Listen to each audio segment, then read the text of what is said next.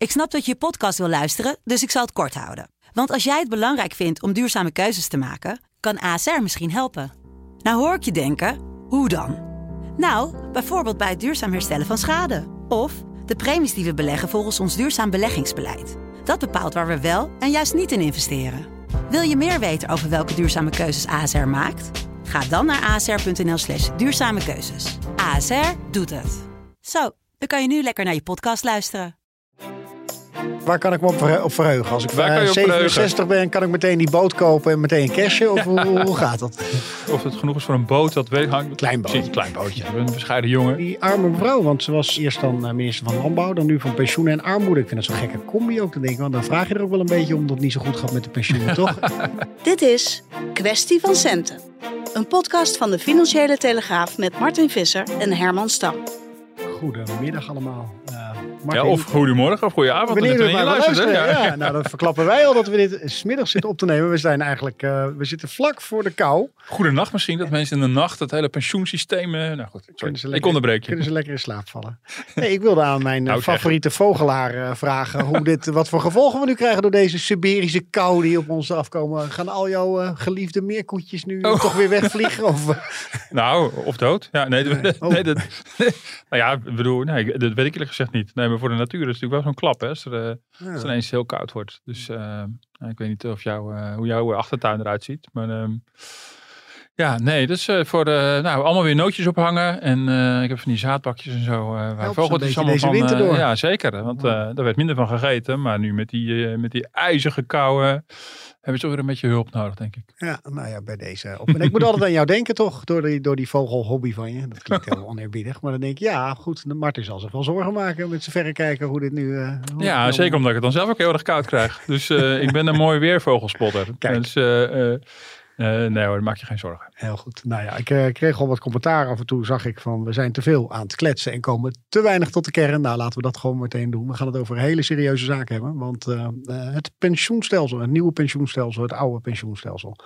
eh, en wat er allemaal op stapel staat voor onze luisteraars. Maar Zeker. laten we eerst even luisteren naar eh, minister, is het hè? Ja. Carola Schouten van eh, Pensioenen. Vandaag is de wet toekomstpensioenen naar de Tweede Kamer gestuurd.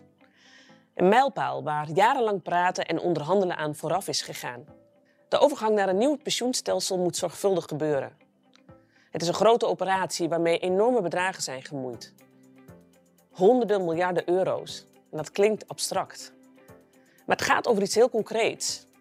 Vermogen dat door hardwerkende mensen tijdens hun loopbaan opzij is gezet voor later. Ja, ze komt een beetje staccato over, maar ze leest dit voor. Dit was niet tijdens de persconferentie. Nee, maar nee, nee. Dit is een filmpje voor, eh, voor de socials, eh, geloof ik. Ja, Ja. ja. Een beetje eh, koninklijk, denk ik misschien. Die, die, die arme mevrouw, want ze was eh, eerst dan minister van Landbouw, dan nu van Pensioen en Armoede. Ik vind dat zo'n gekke combi ook te denken. Want dan vraag je er ook wel een beetje om dat het niet zo goed gaat met de pensioenen, toch? Als je, dat, als je dat allemaal op één hoop stapelt, of niet? Ja, nou ja, op zich, ja, volgens mij, wat met pensioen is het wel handig dat je, dat je er verstand van hebt. En, eh, en ook als eh, Kamerlid daarvoor dan weer eh volgt de Carola Schouten voor de ChristenUnie financiële portefeuille in ieder geval. Dus het is ieder geval prettig dat het ondergebracht is bij een minister, niet bij een staatssecretaris.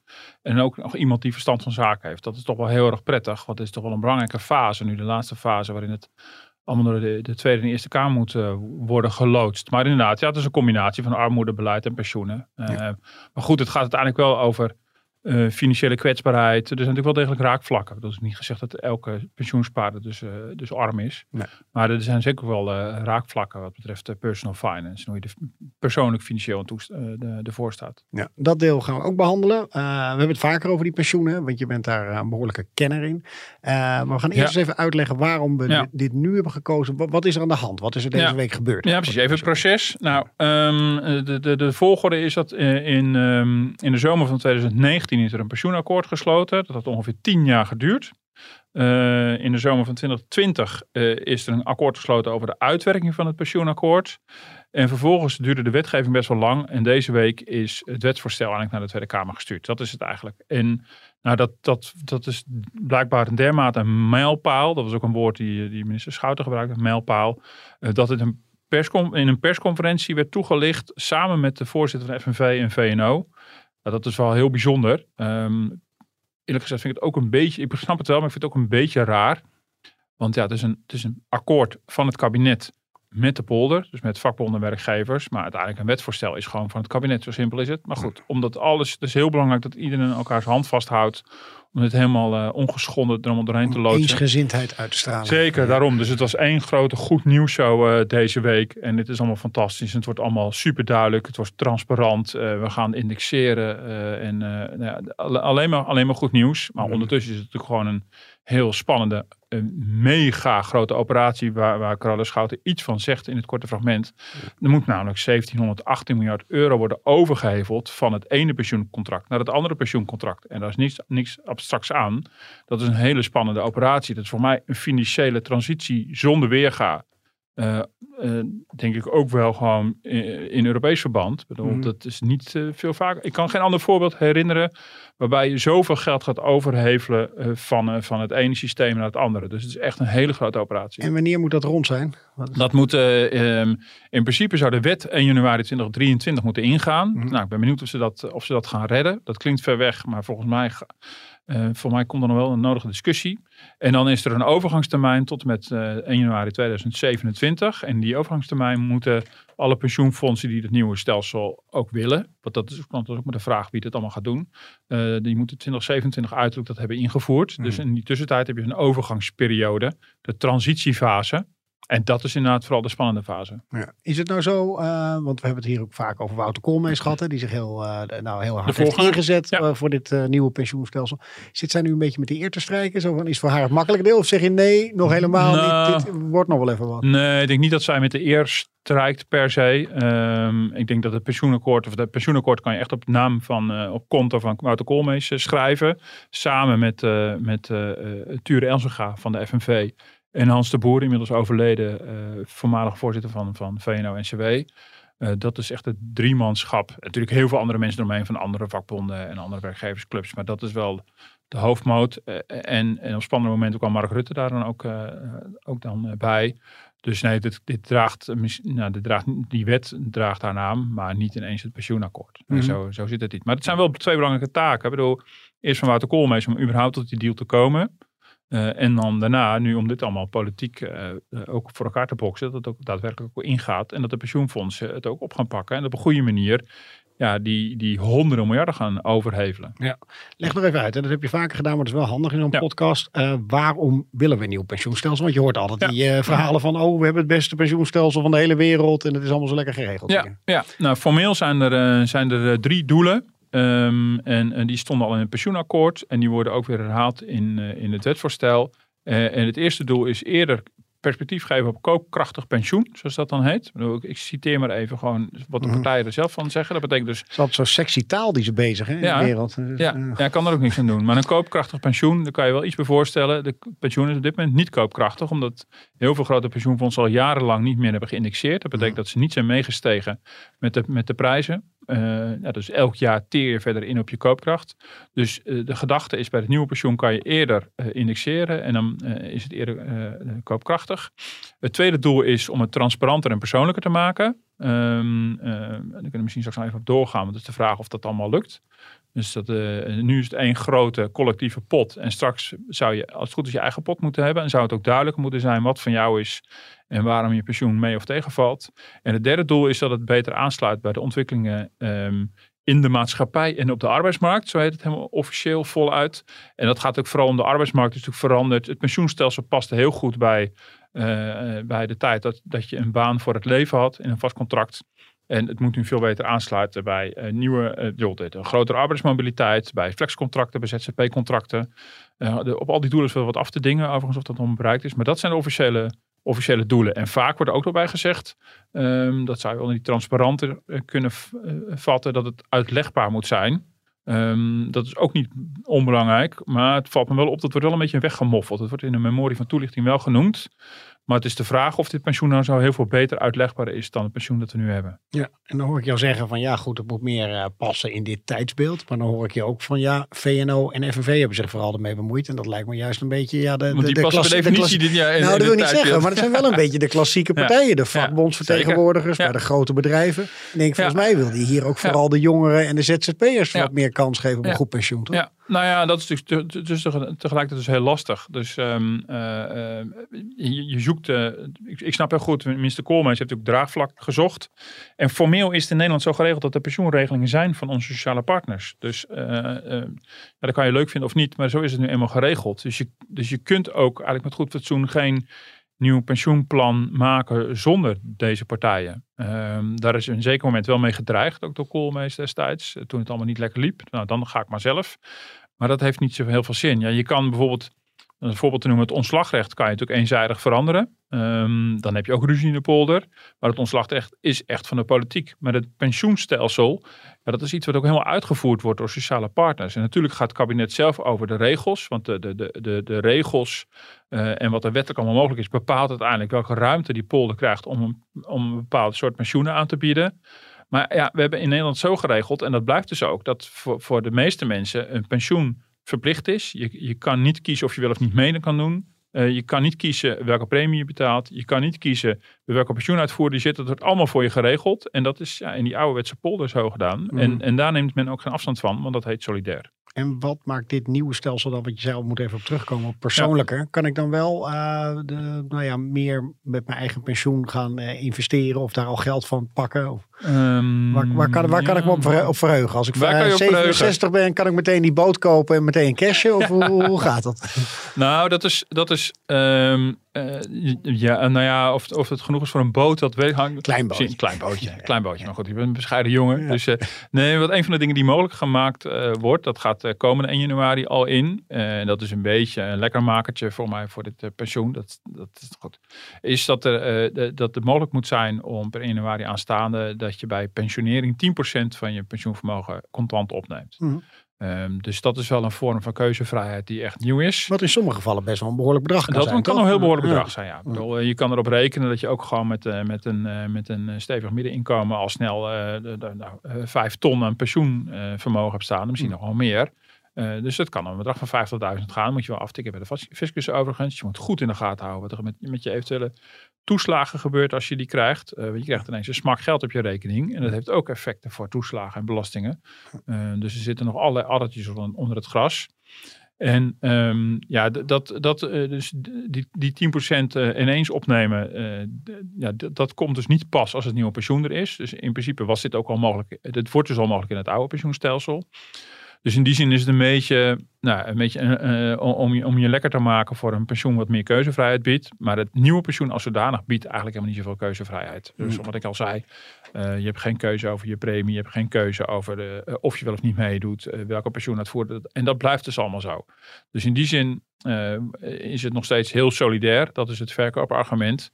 Um, je kan ook zeggen, het blijft nog steeds vrij onduidelijk. Um, ja, waarom je precies meedoet aan wat eigenlijk. Maar, mm. maar het is wel goed om even, even nog neer te zetten in heel grote lijnen wat het verschil dan is, wat, wat, wat beoogd wordt. En dat is dat je nu uh, bij de meeste pensioenfondsen, zeker als je bij zo'n groot fonds zit voor een hele bedrijfstak, dat je een uitkeringsregeling hebt. En we stappen dan straks over naar een premieregeling. En een uitkeringsregeling betekent dat je van tevoren een bepaalde pensioenuitkering wordt toegezegd. En daar spaar je als het ware naartoe. Uh, en straks krijg je een premieregeling. En dan zijn er afspraken gemaakt over de inleg van een bepaalde premie van jou en van je werkgever. En naar welke uitkering dat dan toewerkt, dat moet dan blijken. Ja, er zit uh, wel een minimum op, toch? Wat je sowieso krijgt, of niet eens? Wat je aan uitkering krijgt? Ja, dat, is, dat is niet eens. Je kan nee, echt, kan nee, wel, bijna wel verdampen. Zo. Nee, het is, het, is, uh, het is wel de bedoeling dat uh, werkgevers en, en vakbonden samen afspraken maken over uh, naar welke uitkering toegewerkt gaat worden. Dus uh, alleen dat is geen toezegging meer. Dat is geen uh, belofte, laat staan een zekerheid. Um, dus in die zin is het misschien iets te, iets te stellig gezegd. Dan zeggen we alleen de, alleen de premie is zeker en je uitkering totaal niet. Ja, er wordt wel ergens naartoe gewerkt. En van jaar op jaar kijken ze natuurlijk wel van hey, met deze premieinleg en groei van het vermogen is, is dan ja, dat voorgespiegelde uh, pensioen, is dat überhaupt nog wel haalbaar? En als ja. dat niet zo is, ja, dan krijg je natuurlijk gesteggel over of die premie wel of niet moet worden ja. verhoogd. Ja. Maar um, uh, ja, bedoel, de kans dat je hele, dat, dat alles weg is, lijkt me natuurlijk niet echt heel reëel. Bedoel, uh, er nee, moet wel een enorme ongeluk gebeurd zijn onderweg. Je hoort natuurlijk veel mensen, misschien was het ook een frame, maar dingen roepen als het wordt een casino pensioen, toch? Dat is vaak een woord wat terugkwam van, daar krijg ik het gevoel bij. het kan precies. alles of niets worden. Ja, precies. Ja, dat komt ook omdat je met casino, dan loop je meestal met een zak geld naar binnen en je loopt meestal precies. na een leuke avond en heel veel bier met verdienmodel niks, met niks naar buiten. Want dat is het idee. Ja. Ja. je- ja, nee, nee, het is een casino in die zin dat je niet precies weet wat de uitkomst is. Hm. Eh, dat is wel zo. Een casinopensioen is natuurlijk wat negatief frame. Ehm, maar het geeft wel aan. Er zitten gewoon hele duidelijke risico's aan. En het kan enorm meevallen. Het kan ook enorm tegenvallen. En juist die mee- en tegenvallers eh, heeft men heel graag willen, willen dempen. En daar, daar wordt het natuurlijk meteen al een stuk onduidelijker en minder goed uitlegbaar en minder transparant. Dus ook kritiek van de Raad van State onder andere. Dat advies kwam ook van de week dan naar buiten. Dat komt altijd meteen met het wetvoorstel naar buiten. Ehm, ja, en dat was ook eerdere kritiek van andere adviescolleges die in de consultatieronde al het een en ander hebben gezegd. Ja, van ja, kun je dit nou nog beter uitlegbaar noemen? Want ehm, ja, de, de gedachte is dat een pensioen, eh, premie is zeker en de uitkomst niet. Dus, eh, dus je premie wordt belegd. En dat betekent dat je pensioen gaat meebewegen op de beurs. Heb je goede beursjaren, ja, dan is je pensioen hoger. Heb je slechte beursjaren, is je pensioen lager. Mhm. Maar ja, het zijn- we zijn met name de vakbeweging als de dood voor, eh, voor pech- en gelukgeneraties. Dat is echt een soort, een soort doembeeld dat ze daar hebben. Eh, dat zou dan super oneerlijk zijn als, eh, als je toevallig een keer, een keer pech hebt. Dus wordt het allemaal gedempt en worden er fondsen opgetuigd, solidariteitsreserves eh, waar je verplicht aan moet bijdragen. Dat als het slecht gaat op de beurs, dat er aan, uit dat potje dan geld wordt bijgestort om, eh, om die verliezen een beetje, een beetje te Mhm. dempen. Dus in die zin, en dan, ja, dan eh, is het minder een casino misschien. Ehm, eh, en hou je natuurlijk altijd wel iets over. Dat je nou, ja, dat in ieder geval je inlag weer terugkrijgt, zeg maar. Dus dat, is al, dat klinkt er weer min- minder ruig dan, dan een casino pensioen. Hey, eh, jij bent een enorme pensioenexpert, maar we Nou. hebben ook, eh, Nou. we hebben ook eh, Jan Slachter tegenwoordig. Zeker, dat Die- is, die- eh, die- nee, die- daarom. Ik moet me meerdere die- herkennen. Die Ja, werpt zeker. zich ook op. eh, Ja. Dus heeft toch weer wel iets vreemds een beetje geïnterviewd worden volgens mij in je eigen programma's. Maar goed, eh, laten we even Ja. naar hem eh, luisteren wat hij over de pensioenen zegt. En dan wordt er gezegd, ja, weet je, dan, dan, dan ben je afhankelijk van wat eh, de beurs doet, om het maar even heel populair te zeggen. Dus gaat de beurs omhoog, dan gaat je pensioen ook omhoog. Gaat de beurs naar beneden, dan gaat je pensioen ook naar beneden. Dus die waardevastheid, die we ooit met elkaar hebben afgesproken, dat is nu helemaal van de baan. En daar maken ouderen zich zorgen over. Ouderen maken zich zorgen over de ontkoppeling van de AOW met het minimumloon. Dat kost ze 7,5 procent. Ja, ik zit wel even te twijfelen of hij dit nou bij zijn eigen omroep heeft gezegd. Of juist, Zeker. Ja, toch wel? Ja, ja, Ja, op, eh, op één heeft eh, verschillende eh, avonden. En dit was de, de Max-avond. En eh, nee, goed, hij had zichzelf uitgenodigd. En op zich begrijp ik het ook wel. Hè. Ik bedoel, het is ook wel, bedoel, hij, hij ehm, verwoordt wel een legitieme zorg die er natuurlijk is. Bij de Max-avond wa- waren de zorg alleen van ouderen. Want er is ook iemand van de ouderbond bij. Maar er zijn natuurlijk ook zorgen van jongeren. Er zijn natuurlijk zorgen van alle mensen ertussenin. Dus iedereen is hier bezorgd over wat gaat er precies met mijn geld gebeuren. Ehm, eh, overigens, nog, je zat in het fragment nog even dat, dat de AOW'ers 7,5% inleveren. Dat is natuurlijk gewoon totale flauwekul. Ehm, eh, het, is, dus zit, het zit even, net even wat anders. Het minimumloon wordt om 7,5% verhoogd. En de discussie gaat erover of je de AOW mee verhoogt. Ja, wat normaal wel het geval is en nu doen ze dat niet. precies. Ja. Omdat het nu een extra verhoging is. En de AOW stijgt mee met het, eh, met het minimumloon normaal gesproken. En de vraag is, de politieke vraag waar al boos over gesteggeld wordt. eh, gaat de AOW ook meestijgen met deze extra verhoging? Maar goed, die wordt natuurlijk weer echt totale flauwekul. Maar goed. Ehm, eh, maar die zorg is natuurlijk wel, eh, is natuurlijk wel begrijpelijk. Ehm, eh, want het perspectief voor de gepensioneerden is natuurlijk dat heel veel gepensioneerden jaar op jaar hun pensioen zagen stagneren. Terwijl de prijzen bleven stijgen. En dat betekent dat er, dat er enorme koopkrachtverlies is geboekt op, op het aanvullend pensioen. De AOW groeide gelukkig wel mee, die was welvaartsvast. Maar dat stuk daarboven, het aanvullend pensioen, eh, dat holde qua koopkracht eh, echt uit. Eh, dat, dat gaat dan om 15% of meer. Dus dat is echt, misschien is het inmiddels al wel 20%. Dat is echt heel aanzienlijk. En ja, ik kan me heel goed voorstellen dat heel veel gepensioneerden denken van ja, oké, maar nu gaat dat uitgeholde pensioen, wordt straks overgeheveld van het systeem met zekerheden die achteraf geen zekerheden bleken te zijn, naar, een, naar dat casinopensioen. Nou, wat, wat hangt mij boven het hoofd? Ehm, word ik echt overgeheveld zonder al die indexaties? Eh, en waar kom ik dan precies in terecht? Dus die zorg is op zich heel legitiem. En dat is ook precies nu het spannende traject dat eh, minister Schouten nu ingaat. En waar de Raad van State ook op wijst van, ja, eh, we- nu gaan we die grote collectieve pot verdelen over alle, alle generaties en alle personen. En dat zal soms ook pijnlijk kunnen zijn. Pijnlijke keuzes wordt ook expliciet aangehaald in het advies van de Raad van State. Want je moet nu die pot gaan verdelen. En nu moet het duidelijk worden, hoe gaan we het herverdelen over die generaties? En dat is een ingewikkelde klus. waarvan je op voorhand heel weinig garanties kan geven aan mensen. Maar denk je niet van als je inderdaad zo'n pechgeneratie bent, dat er alweer heel snel aangeklopt wordt bij de overheid van joh, uh, we komen toch wat tekort in het nieuwe stelsel. Ja. Dan gaan we weer, trek de portemonnee maar. Ja, nou dat weet ik niet. Nou, um, kijk, nu, nu toen werd altijd bij de overheid aangeklopt, niet om bij te passen, maar gewoon om de regels te versoepelen.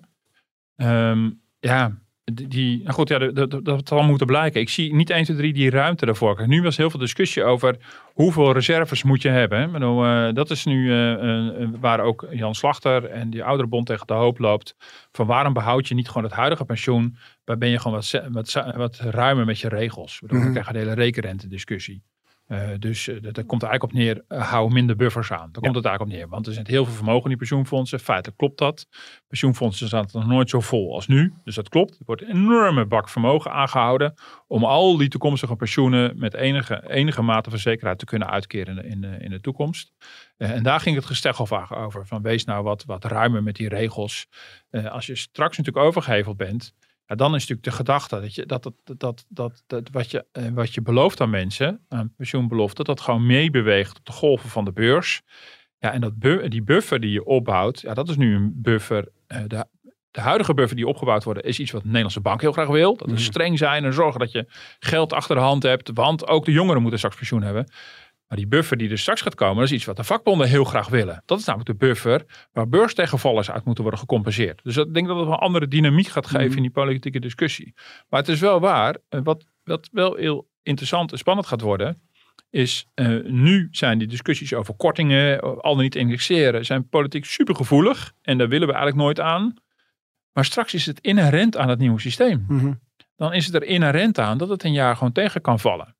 Um, dus in die zin. Uh, ik heb alweer zo snel vermoeden dat er dan een soort uitzondering komt van we moeten nog even wennen aan het nieuwe stelsel. Ja, ja. Plus nou ja, dat, dat, dat, in die zin uh, moet nog heel veel natuurlijk wel uh, du duidelijk geworden. zeker wat betreft die buffer die aangelegd gaat worden. De pensioenfondsen die gaan een buffer aanleggen, een solidariteitsreserve die, die tot maximaal 15% kan zijn. Dat is fors. Dus een deel van jouw pensioenpremie gaat straks eerst die buffer in. Mm -hmm. Maar wie gaat, wie gaat nou precies bepalen wanneer die buffer mag worden ingezet en voor wie precies? Uh, dus dat is best wel schimmig. Um, maar we slaan dus nu al die hele stap over. Hè? Want wat, bedoel, de, de, de pijn zit hem er in eerste instantie in. Hoe, hoe gaat mijn geld van A naar B? Bedoel, dus, is nog niet eens. Die hoe gaat het? Ja. Bedoel, die, dat is dat hele invaren. Dat is een term die dan vaak ook wel terug gaat komen. Dat is dus die overgang van je hebt nu een bepaald pensioenrecht opgebouwd onder bepaalde regels. En dus je een bepaald pensioen beloofd ooit, of toegezegd, of soms gegarandeerd vroeger.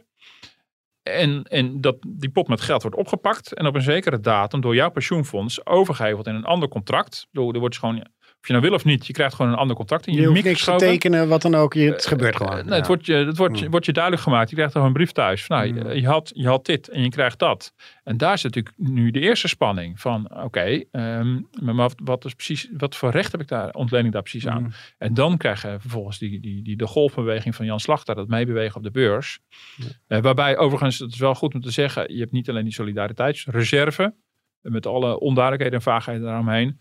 Maar de bedoeling is ook dat, um, dat uh, de beleggingsrisico's van jongeren groter zullen zijn dan van ouderen. Uh, en dat is op zich denk ik ook wel logisch uh, om, om het scenario van Jan Slachter juist te voorkomen. Zegt, de, de pensioenfonds gaat gewoon collectief beleggen. Want de gedachte is dat dat is, dat is goedkoper dan wanneer iedereen voor zich gaat beleggen. Dus je krijgt gewoon een collectieve belegging. Maar vervolgens, volgens een van de mysterieuze verdeelsleutel, gaat de pensioenfonds die rendementen toewijzen aan verschillende leeftijdscategorieën. Maar op zodanige manier dat, um, ik zie je nu al kijken van, ben ik er nog? Ja, het, nee. het, het, zou beter uitlegbaar worden, maar in ieder geval de gedachte is, een jongere, um, je bent 25 um, en dan heb je nog meer dan 40 jaar dat je aan het sparen bent voor je pensioen. Je, hebt meer dus, tijd om het goed te maken. Precies, dus dan kan je ook grotere risico's aan. Uh, met, met een grotere kans op uh, mooie rendementen. Maar ook een groter risico op, op slechtere jaren. En als je eenmaal al met pensioen bent. Ja, dan wil je natuurlijk niet dat het ieder jaar weer een verrassing is hoeveel pensioen je gaat krijgen. Nee. Dus dan, dan ga je dat steeds meer dempen. En dan worden de risico's die genomen worden voor de ouderen worden steeds kleiner. En dat ja. wordt gedaan door op een manier die rendementen naar leeftijdscohort toe te bedelen. Want wat, ze, wat de vakbonden weer niet wilden, Um, is dat ieder mag zeggen: Ik wil graag risicovol beleggen. Dus ga, beste pensioenfonds, ga voor mij maar risicovol mm. beleggen. Nee, dat is niet de bedoeling. Maar het moet allemaal wel solidair en collectief. Als je echt een eigen persoonlijk pensioenpotje hebt, dan, kan nog, uh, dan zou een pensioenfonds of een verzekeraar, waar dat al gebeurt, kan aan jou vragen: wat is jouw risicoprofiel?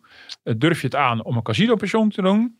Of wil je ehm, daar een soort slap aftreksel van? Dan heb je meer zekerheid, maar ook minder rendement. Snap je? Dus, ja, dus maar die, die- vakbonden hebben toch heel goed onderhandeld dan? Want die hebben vooral een, een, een, een doelgroep, Ja. eh, de, nou zeg 55 plus 60, 60. En voor hun hebben ze best wel wat zekerheid ingebouwd. Op Ja, dan. ja, zo, ja dat, zo zou je dat kunnen zien. Ehm, ehm, maar dat is, ik vind het best wel moeilijk om te zeggen, eerlijk gezegd. Ik bedoel, eh, want het zijn natuurlijk nu vooral de ouderen die zich roeren. eh, omdat, en het is ook wel weer begrijpelijk, omdat die zoiets hebben van, ja, maar als dit risico's met zich meebrengt, eh, die ik nu eigenlijk helemaal niet kan overzien, dan merk ik dat ogenblikkelijk. Hmm. Eh, jongeren denken van, nou, dat gaat nog een hele poos duren. Eh, Heel veel jongeren denken van, nou, voor mij is het straks toch helemaal niks meer. Wat feitelijk niet waar is. Er is niet voor niks zoveel opgepot in die pensioenfondsvermogens. Juist om, om te zorgen dat er ook voor jongeren straks nog wat is. Ehm, eh, dus, dus ja, dat, dat staat wel in, in eh, gek contrast met elkaar. Want inderdaad, er zijn heel veel collectieve en solidaire elementen ingebouwd. Ook om vooral de ouderen te beschermen. En ik ben het in die zin wel met je eens. Ehm, de, de, de, de, de regels worden ook in die aanloopfase al versoepeld. Dus nog voor het nieuwe pensioen ingaat, eh, zal vanaf, eh, er gaat zelfs 1 juli aanstaande al in, terwijl die wet dan nog niet is ingegaan, gaat 1 juli aanstaande al nieuwe regels in, waardoor er eerder geïndexeerd kan worden. Ehm, ja, vanuit een jongere ge- bezien kan je zeggen, ja, maar indexeren van het pensioen van, ge- van gepensioneerden gaat ten koste van, mogelijk de kosten van mijn toekomstig pensioen. Mhm. Dus in die zin heeft de vakbond goed onderhandeld. Maar dan nog, ja, je zadelt iedereen op met een enorme brok onzekerheid. Ja. Want mensen ontlenen de rechten aan. Sterker nog, als je met pensioen bent, is dat gewoon je inkomen. Ik bedoel, Mhm. er wordt gewoon geschoven met jouw inkomen. En ik kan me heel goed voorstellen dat je denkt van wat de hek. Nou, Ja. eh, gemiddelde pensioen, eh, gepensioneerden zal niet wat de hek denken. Maar, eh, nee, nee, nee. van, had je me nou? Ja. en, nee, maar dat geeft ook heel veel onzekerheid. Van, Ja. En dat gaf ook al heel veel teleurstelling. Dat heb je natuurlijk ook dus een opgebouwde teleurstelling. Want vroeger was het pensioen gegarandeerd. En ergens is dat misgegaan. En op een gegeven moment is niet meer uit te leggen waarom ook in goede beursjaren jouw pensioen maar stagneert. Ja. En eh, ja, dat moet je een keer doorbreken. En daar zijn we nu echt nog een aantal jaren mee bezig om dan naar het nieuwe pensioenstelsel te gaan. Dan heb je kans, dat, dat hebben Ture Elsenga ook wel eens verteld in een interview met ons, de voorzitter van FNV. Die zegt, het is, het is mogelijk dat er straks al mensen overlijden die in hun hele gepensioneerde bestaan nog nooit een indexatie hebben meegemaakt Mhm. die niet beter weten dan een stilstaand pensioen. Ja. En ja, en ja, en dat mensen daar boos over zijn, dat snap ik natuurlijk heel erg goed. En dat mensen er diep teleurgesteld over zijn, begrijp ik heel erg goed. Ja.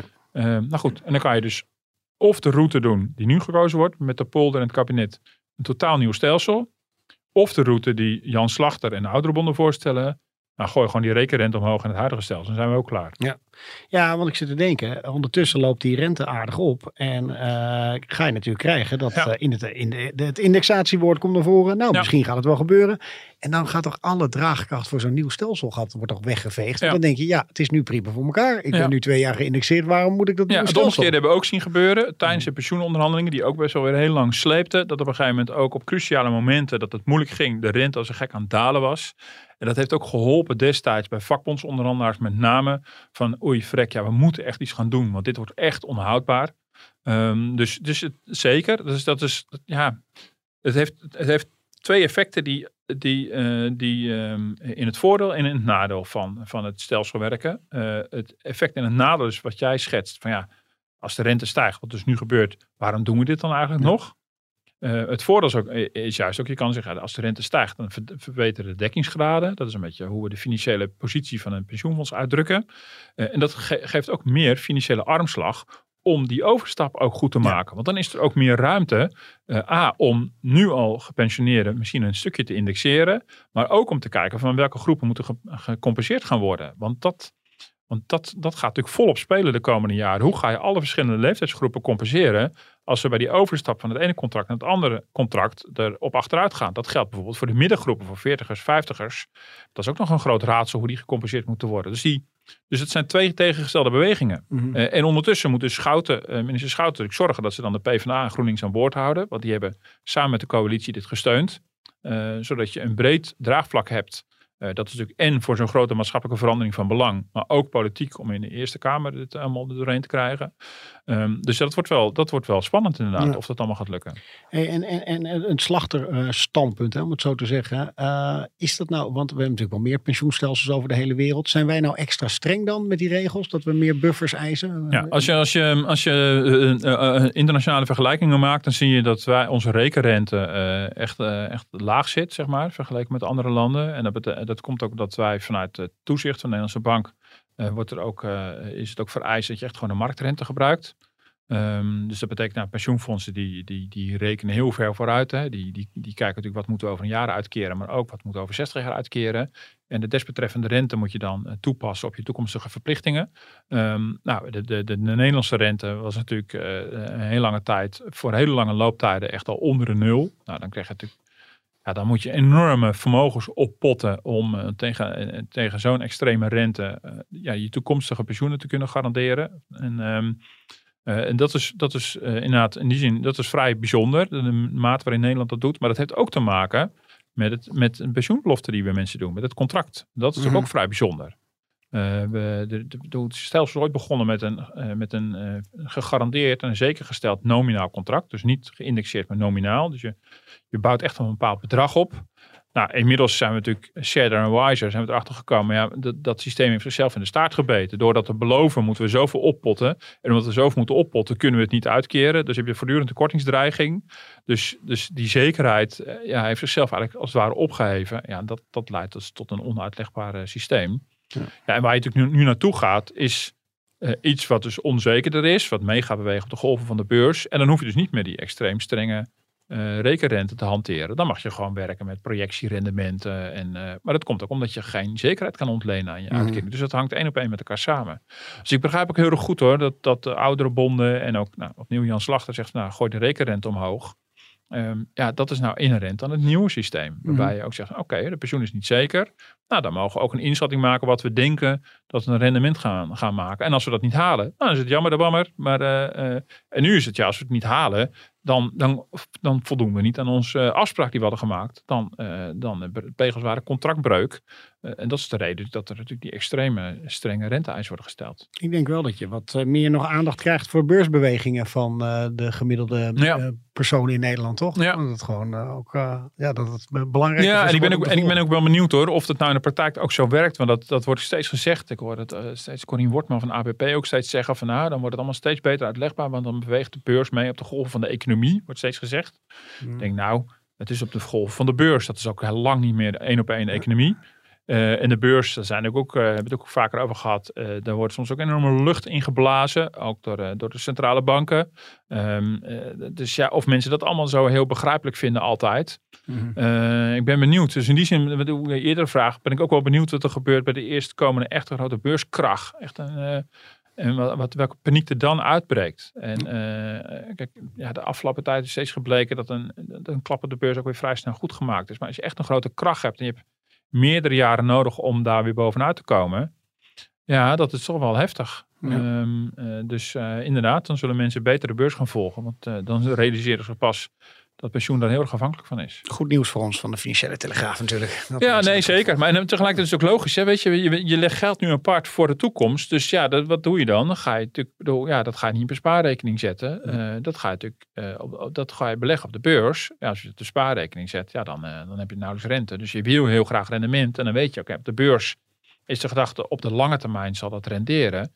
Maar dat, is, dat geldt niet voor elk, eh, elk los jaar. En dat kan ook altijd tegenvallen. En Ja. de rendementen van het verleden, eh, ja, cliché, bieden geen garantie voor de toekomst, ook niet voor de beurs. En het is ook helemaal niet gezegd dat, dat de afgelopen 15 jaar was het gemiddelde rendement, wordt steeds gezegd 7%. Maar het is helemaal niet gezegd dat de komende 15 ja- jaar het rendement weer gemiddeld 7% zou zijn. Dat weet je helemaal niet. Ja. Hey, we hebben nog niet gehad over de werkgevers, want eh, die dragen ook wel bij aan de pensioenen. Gaat er voor hun iets eh bezelijks veranderen? Dan gaat de vlag uit. Oké. Ja. Dan gaat de vlag uit. Ja, de werkgevers VNO hebben- heeft dus ook heel goed Ja. onderhandeld. Ja, ja de, de werkgevers hebben twee doelen. Eén is, eh, ze willen af zijn van het gesodemieter. Ehm, ik bedoel, dat geeft ook allemaal onrust. Bedoel, eh, ze, ze, de, de- de- grofweg betaalt de werkgever twee derde van de premie en de werknemer een derde. Dus zij zijn de grootste betaler van, die- van die premies. En ze willen gewoon rust in de tent. En eh, niet, eh, niet het gedoe de hele tijd. Dus dat willen ze het liefst gewoon afkopen. Eh, maar het echte doel uiteindelijk is een soort zekerheid over de premie. En, eh, en dat hebben ze nu in zo'n premiestelsel. Dan maak je afspraken over de premie. En dat is het dan. En ehm, eh, ja, ik bedoel, ik denk dat, dat nog steeds eh, in tegenvallende jaren de vakbonden toch met hangende pootjes komen van oh, we willen toch die premie verhogen. Maar in principe is dat, is dat hun inzet. En als je dus alleen maar zegt dat de pensioenuitkomst is verzekerd en daar moeten de premie op aanpassen. ehm, ja, dan, dan krijg je dus voortdurend discussie over wat moet de werkgever gaan betalen. En de Mhm. basis van dit systeem is de premie eh, wordt van tevoren afgesproken en dat is het dan. En dat is voor de werkgevers een heel prettig, eh, eh, prettig systeem. Ja, hoeven ze niet meer bij te plussen of wat dan ook. Nee, kijk, en wat je natuurlijk wel ziet is heel vaak bij, bij zeker bij grote bedrijven die hun eigen pensioenregeling hebben. Dat gaat met name voor hele grote. Die hebben in het verleden dan vaak voor gekozen om bij te plussen. Ook vanwege die, die rust in de tent. Mhm. Zeker grote bedrijven die het financieel gewoon goed kunnen hebben. Die hebben vaak gewoon eh, allerlei gaten gewoon eh, ge- gedempt. Gewoon met, eh, met- door flink bij te plussen in in in de pensioenfonds. Soms was het ook een beetje smeergeld over te stappen naar een nieuwe regeling. Waarbij die onzekerheid naar de deelnemers werd geschoven.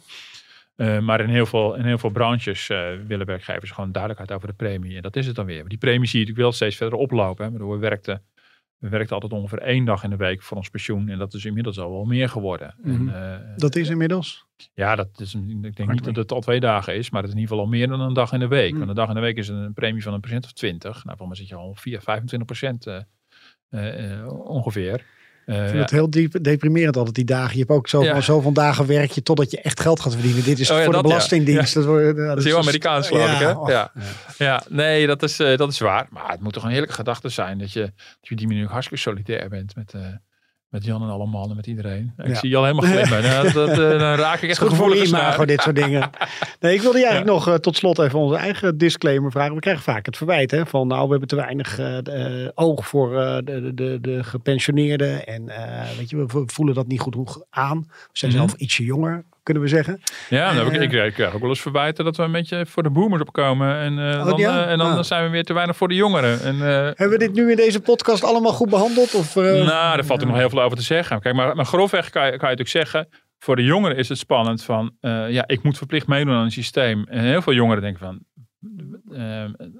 ja, wat, wat is het voor een raar achterhaald systeem? Vakbonden? Mhm. Pardon? Polder? Hoezo? Ja. Eén dag in de week werken voor een pensioen.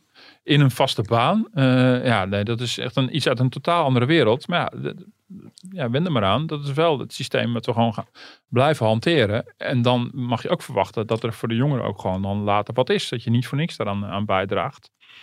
Nou, het is, een, het, is, het is een stap vooruit, denk ik. Het is denk ik wel een verbetering, maar het is allemaal nog niet ideaal. Eh, voor die middencategorie is het echt heel spannend. Hoe ga je die, die, die, die compensatie regelen? Want ehm, ehm, eh, nou, daar, daar, daar worden wel de grootste klappen eigenlijk verwacht. Dat zijn wij gewoon. Dat zijn wij gewoon. Ja, ja. Dus in die zin hebben we daar nog relatief weinig over gehad. Mm. Sterker nog, hebben we daar nog helemaal niet over gehad. Maar eh, dat voert misschien voor vandaag allemaal, eh, allemaal te ver. Maar daar ligt echt nog wel een, een, een, een spannend punt. Met een hele andere systematiek qua, qua premies. Waardoor echt daar nog wel een gat op te vangen is. En voor ouderen is die onzekerheid natuurlijk omdat het hun meteen aangaat. Mhm. En, eh, maar ik denk dat voor ieder zit daar een onzekerheid in. En daarom is het, ja, voelt het. Dat goed, misschien om het af te ronden, want anders hebben we het er veel te lang over. En dan slaan mensen echt in slaap gevallen. Maar ehm,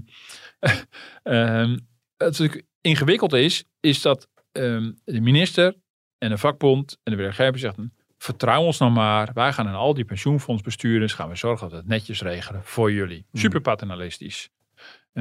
Maar het probleem is, we doen dit omdat het vertrouwen in die pensioenfondsen en in het pensioenstelsel steeds kleiner is.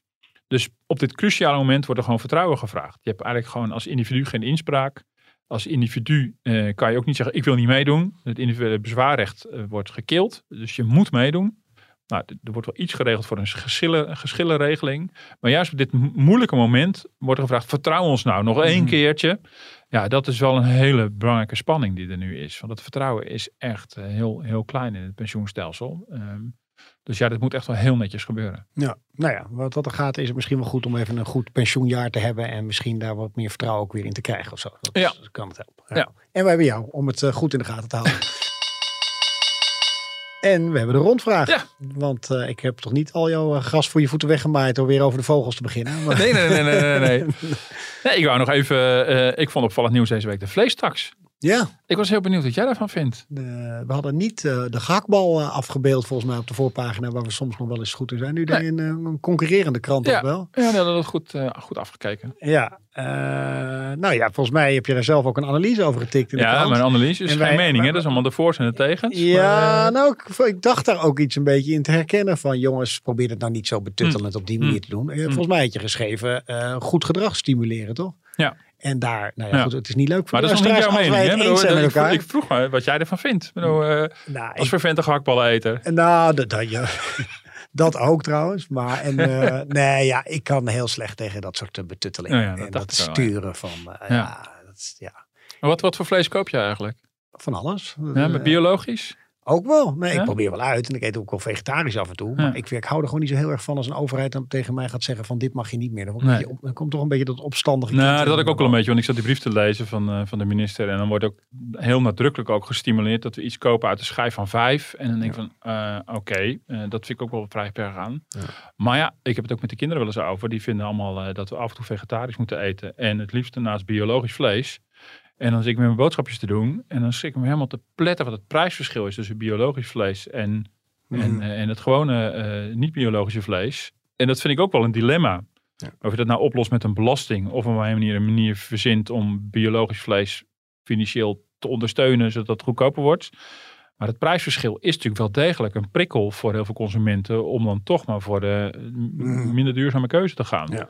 Dat vind ik wel echt wel een, eh, wel een eh, dilemma. Ja. Nee, en goed. En je ziet ook bij fastfoodketens wat je daar, eh, hoe weinig je daar betaalt. En haal Ja. maar eens een mandje met fruit. Ja, dan denk je ook, eh, Ja. dit klopt niet helemaal. Ik vind er overigens de McDonald's helemaal niet zo goedkoper. Dat valt allemaal nog wel Nee, schrik je Ga met je gezin daar, daar eten. Dus valt, dat valt heel erg mee. Klopt, ja. Nee, maar ik ben eigenlijk voor zo min mogelijk overheidsingrijpen. Dat Oh zal je niet zo verrassen, denk Nee. ik. Nee, dan maak je zelf de verantwoorde keuze. ja geloof dat, er helemaal niets Daar van. geloof ik uiteindelijk heilig in. Het, in het goede van de mens. Oh ja, had jij nog iets voor de rondvraag?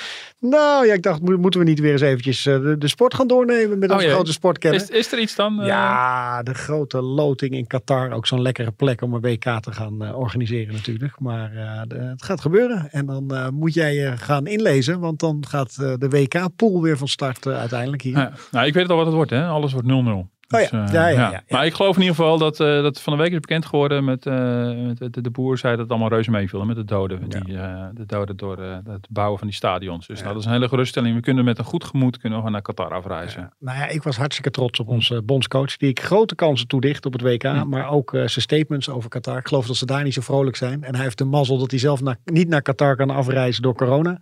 Maar eh, nou ja, die heeft ze volgens mij weer goed geprikkeld daar. Dus eh, dat lijkt me goed. En eh, wanneer, wat is, wanneer- welke datum moet ik in mijn agenda zetten? Want ik heb Oh, geen pas, idee. pas eind november, december. Dus je, oh, je, je hebt nog wel even tijd om oh, voor te gelukkig. bereiden. Dan komen we allemaal nog mentaal op voorbereiden. En volg onze vrienden van de Sportpodcast. die zullen je vast... Je hebt er iets meer verstand van dan ik. iets. Bedankt voor het luisteren. En eh, we blijven lekker doorgaan met die aankondiging van je. Het gaat hartstikke goed. De duimpjes schieten omhoog op alle kanten. Dus eh, Martin, doe je ding. Nou goed, net als alle voorgaande weken, vind je dit nou een interessante podcast? Deze keer iets minder geouwehoer en iets meer verdieping. Eh, volgende week draaien we dat misschien weer om. Maar eh, nee, maar vind je dit interessant en leuk? eh, geef dan een, een comment. Laat een comment achter. Geef duimpjes, sterretjes, zodat mensen ons goed kunnen vinden. Nou, ik krijg een soort choke moment. Ik denk, nu moet ik wel weer eens een keer dat e-mailadres goed doen. Maar ik denk podcast.dft.nl. Helemaal goed. Ja, ja, ja. Daar kunt u naar mailen en dan ons op ideeën brengen. Bedankt voor het luisteren. Tot volgende week.